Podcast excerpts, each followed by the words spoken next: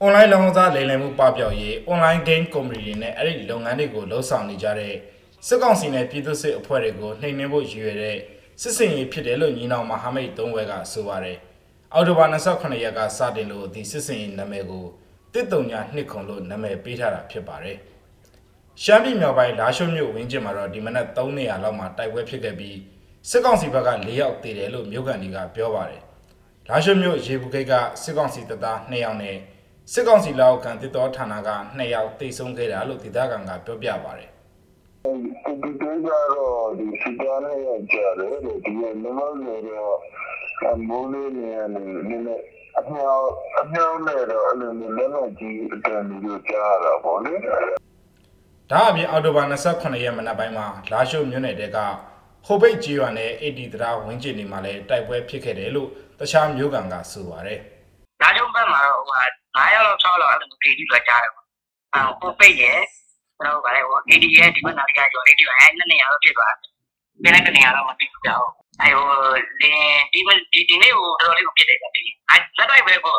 ။အောက်တိုဘာ28ရက်နေ့လယ်တနာရီဝင်းကျင်မှာတော့လာရှုမြို့ဝင်းကျင်မှာလက်နက်ကြီးတန်းကြားရတာကလွဲလို့ တိုက်ပွဲဖြစ်တာမရှိတော့ဘူးလို့သူကဆက်ပြောပါတယ်။ဒါပေမဲ့မြို့ရဲအသွားအလာနေသွားပြီးမြို့အဝင်အထွက်ကိုစစ်တပ်ကပိတ်ထားတဲ့အပြင်လာရှုလေစိတ်ကိုလည်းယာယီပိတ်ထားတယ်လို့သိရပါတယ်။ရှမ်းပြည်နယ်မြောက်ပိုင်းတွေကပဲနန်ခမ်းနန်းဖက်ကလန်ကစစ်ကောင်စီစခန်းတချို့လည်းတိမ့်ပိုက်ခံခဲ့ရတယ်လို့ဒေသခံတချို့ကပြောပြပါတယ်။အထိနာနေတဲ့စစ်ကောင်စီတပ်ကလက်နက်ကြီးနဲ့ပစ်လို့နန်ခမ်းမြို့ကကလင်းငယ်တချို့တိတ်ဆုံးမှုရှိခဲ့တယ်လို့ဒေသခံကပြောပြပါတယ်။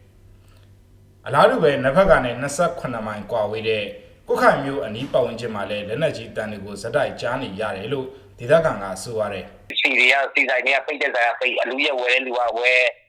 တက်စီတို့တက်စီပချိုးဆိုင်တွေကပြက်နီးရလည်းချက်ထားတာမင်းညကလေးကချက်အော်ဒီမနက်ကလေးကချက်လိုက်တာအခုလည်းဒီမလာတော့ကုတ်ခိုင်မြို့ဘော်ကိုစစ်ဆောင်တွေရောက်လာတဲ့သတင်းတော့မကြားမိသေးဘူးလို့ဒေသခံကမြို့အခြေအနေကိုပြောပြပါဗျ။ ချင်းရွှေရော်မြို့ကိုတော့အော်တိုဘာ28ရက်မနေ့အစောပိုင်းတွေကမဟာမိတ်ပူပေါင်းတပ်ဖွဲ့ကသိမ်းပိုက်ထားတာဖြစ်ပါတယ်။တိုက်ပွဲဖြစ်ပွားရာချင်းရွှေဟော်မြို့ကိုစစ်တပ်ကလက်နက်ကြီးတွေနဲ့ပစ်လို့တမျိုးလုံးနီးပါးကဒေသခံတွေဟာတရုတ်အပါအဝင်စစ်ဘေးလွတ်ရာဒေသတွေကိုထွက်ပြေးနေရပြီးနီးစက်ရလဲရကင်းရောဘာစိုက်ခင်းနေတဲ့စစ်ဆောင်နေရသူတွေလည်းရှိတယ်လို့ဆိုပါတယ်။လက်ရှိမှာအယက်သားပြည်သူတယောက်သေပြီး9ယောက်ပြင်းထန်ဒဏ်ရာရရှိခဲ့ကြောင်းနဲ့မြန်မာတရုတ်နယ်စပ်ချင်းရွှေရော်မြို့က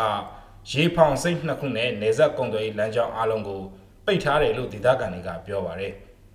မြန်မာစံတော်ချိန်မနက်9နာရီလောက်ကစတင်ခဲ့တဲ့အောက်တိုဘာ28ရက်တိုက်ပွဲတွေဟာချင်းရွှေရော်တရာဟိုပန်ဒေသချွန်းဟုတ်ရွာကွန်လုံးမုံကုနဲ့လာရှုံမြို့ကစစ်ရေးအဓိကကျတဲ့နေရာတွေမှာဖြစ်ပွားနေတာလို့မဟာမိတ်ဘက်ကထုတ်ပြန်ထားပါတယ်ဒါအပြင်မှာစစ်ကောင်စီတပ်ကထောက်ပို့အဖြစ်အသုံးပြုတဲ့ ဟိုပန်ချင်းရွှေခေါ်ကိုစက်ထားတဲ့တရားတစ်ခုကိုလည်း MNDA ဘက်ကမိုင်းခွဲဖျက်ဆီးထားတယ်လို့သိရပါတယ်။စစ်ကောင်စီရဲ့သတင်းပြန်ကြားရေးတာဝန်ရှိတဲ့ဗိုလ်ချုပ်စောမင်းထွန်းကတော့လာရှိုနာကနှစ်နေရာမှာတိုက်ပွဲဖြစ်နေတဲ့အပြင်ချင်းရွှေခေါ်နဲ့ကွန်လုံကြားကနေရာတွေမှာ MNDA တပ်တွေနေရာယူထားကြောင်းပြောပါတယ်သူအဲ့ချင်းရွှေဘောရဲ့လောက်ကန်ရဲ့ဘုံလုံးတိုင်းနားလေးမှာတော့တိုက်ပွဲတွေဖြစ်တာရှိတယ်ချင်းရွှေနားလေးကတော့ကျွန်တော်တို့ဒီဖောင်စိတ်တို့ကာဘာဒရာတို့ အဲဟိုင်းနားလေးမှာရှိတယ်တိုက်ပွဲဖြစ်တာရှိတယ်ဒီနိုင်တော့မှာအဲမှာကျွန်တော်တို့ဒီဒီထုံးနေနဲ့ထော်ဘုံချပြီးတော့ကြာဝင်ရောက်တိုက်ခိုက်ခဲ့တာမျိုးရှိတယ်။အော်တိုဘာ29ရက်မနက်ပိုင်းမှာစတင်ခဲ့တဲ့တိုက်ပွဲအတွင်းမဟာမိတ်ညီနောင်တပ်ဖွဲ့တွေနဲ့အတူဗမာပြည်သူ့လွတ်မြောက်ရေးတပ်မတော် BPL ကစစ်ကြောင်းနှစ်ကြောင်းနဲ့ပါဝင်တိုက်ခိုက်နေပါတယ်။ဒါအပြင်မန္တလေး PDF ကလည်းစစ်စင်ရေးတရက်ဖော်ဆောင်သွားမယ်လို့ထုတ်ပြန်ခဲ့ပါတယ်။